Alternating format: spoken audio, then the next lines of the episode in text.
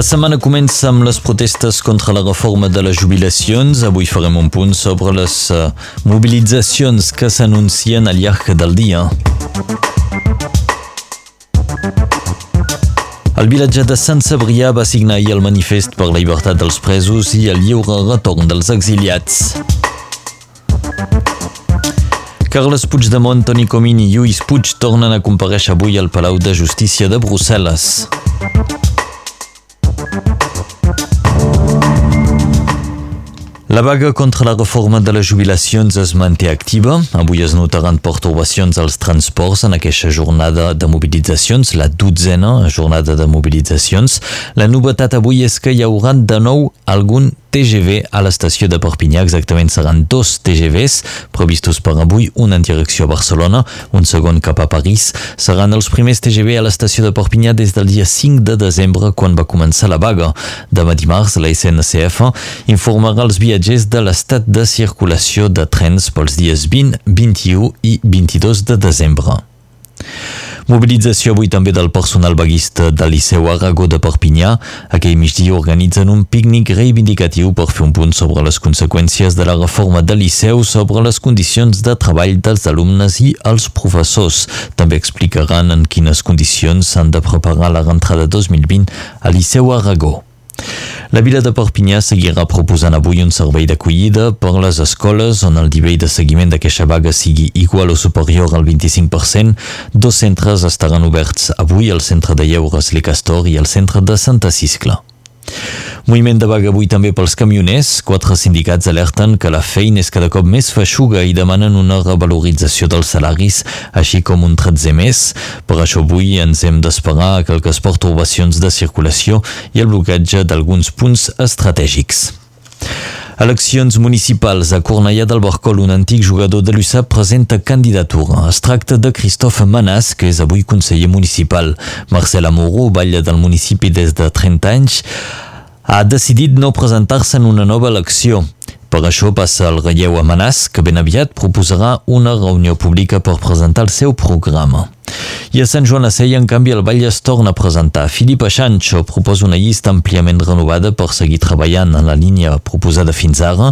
Sancho ha marcat eh, la joventut, també la seguretat o encara el medi ambient i l'acció social com a prioritats en el seu projecte.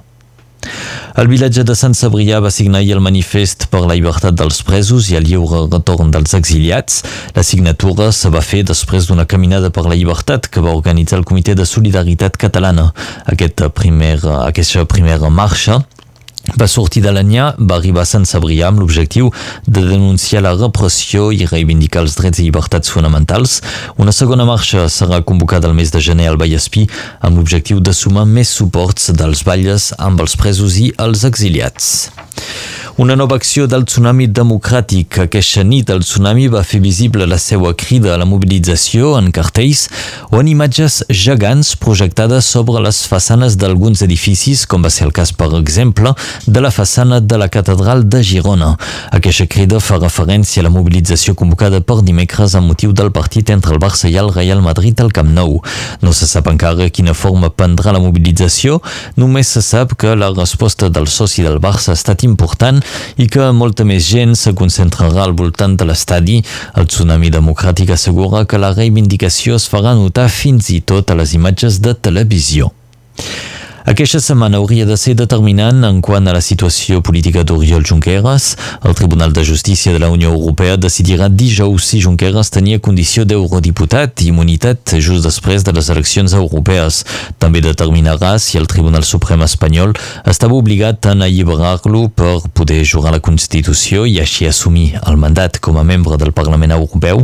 La decisió del Tribunal de Justícia de la Unió Europea tindrà repercussions sobre la situació de Carles Puigdemont Puigdemont i Toni Comín, que tampoc van poder prendre possessió de llur escó d'eurodiputat. Però cal dir que mentrestant Puigdemont, Comín, però també Lluís Puig tornen a compareixer avui al Palau de Justícia de Brussel·les. Són citats en el procediment de l'euroordre en què els tres exiliats van refusar de ser extradits a Espanya. És previst que avui les defenses sol·licitaran l'ajornament de la compareixença a l'espera de la resolució de dijous del Tribunal de Luxemburg sobre la immunitat d'Oriol Junqueras.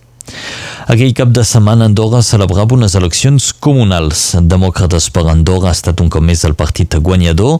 Els demòcrates en moltes parròquies en coalició amb els liberals han obtingut els consulats de quatre dels set comuns que són els organismes locals que gestionen les parròquies en què es divideix el Principat d'Andorra.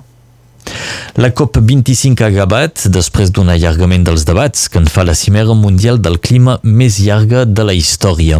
L'acord final evita el retrocés, però és molt lluny del que el món realment necessita. L'acord final no fa una crida clara a aturar les emissions i a accelerar-ne la reducció a partir del 2020, com reclama la ciència. Sobretot la COP25 ha fracassat en un dels seus objectius més importants, regular els mercats del carboni. Nos en parla l'Albert Noguer.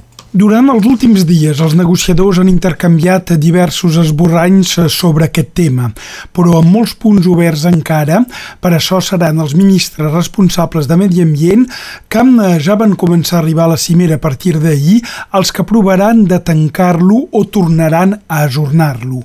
La Unió Europea, que moltes de les parts presents en la conferència reconeixen com el motor que està liderant la comunitat internacional cap a una ambició climàtica més important, tant, ha desembarcat eh, també en el tram final d'aquesta cimera de Madrid. Malgrat el paper de lideratge que moltes parts assignen a la Unió Europea, també hi ha moltes incerteses sobre aquesta cimera que en el tram final coincidirà, a més, amb el Consell Europeu que té previst aprovar un ambiciós paquet de mesures per assegurar la neutralitat climàtica de carboni, zero emissions, al 2050. Però amb les diferències entre països són encara patents degut a, sobretot a l'alta dependència que molts estats de l'est tenen del carbó, per donar un reconeixement a les negociacions i tornar a llançar un missatge contundent a favor de l'acció davant la crisi climàtica, està previst que torni a Madrid en els pròxims dies el secretari general de l'ONU, Antonio Guterres. Moltes gràcies, Albert Noguer. I passem ara als esports per destacar que el Futbol Club Sant Esteve i l'Espanyol de Barcelona acaben de fer oficial un partenariat sobre la formació d'uns 80 jugadors nord-catalans de 6 a 16 anys que podran participar a un futbol campus de 5 dies amb entrenadors de l'Espanyol. Una bona oportunitat pels dos clubs que es podrien deixar jugadors. La primera jornada de formació es farà a Barcelona al mes d'abril.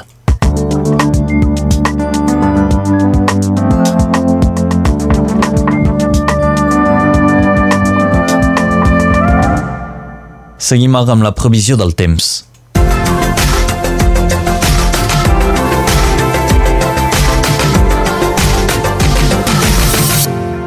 La marinada acaba reportant algunes pluges. Aquest dilluns comença amb una alternança de sol i núvols de cara a finals de tarda i al vespre, però es preveu la possibilitat de precipitacions febles al conjunt del país. El vent de sud-est ja bufa sobretot al litoral, Baix Vallespí i a la vall de la Gli. Aquesta tarda concernirà tot Catalunya Nord amb ratxes màximes de fins a 60 o 70 km per hora.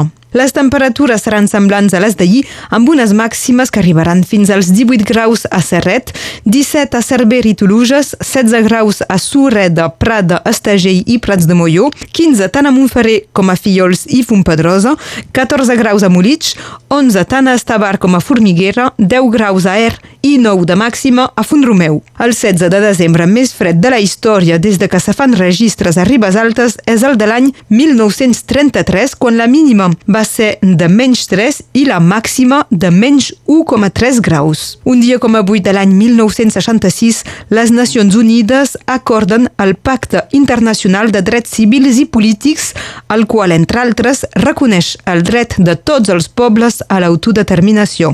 Avui el sol es pondrà a les 5 i quart d'aquesta tarda, després de 9 hores i 3 minuts de llum del dia.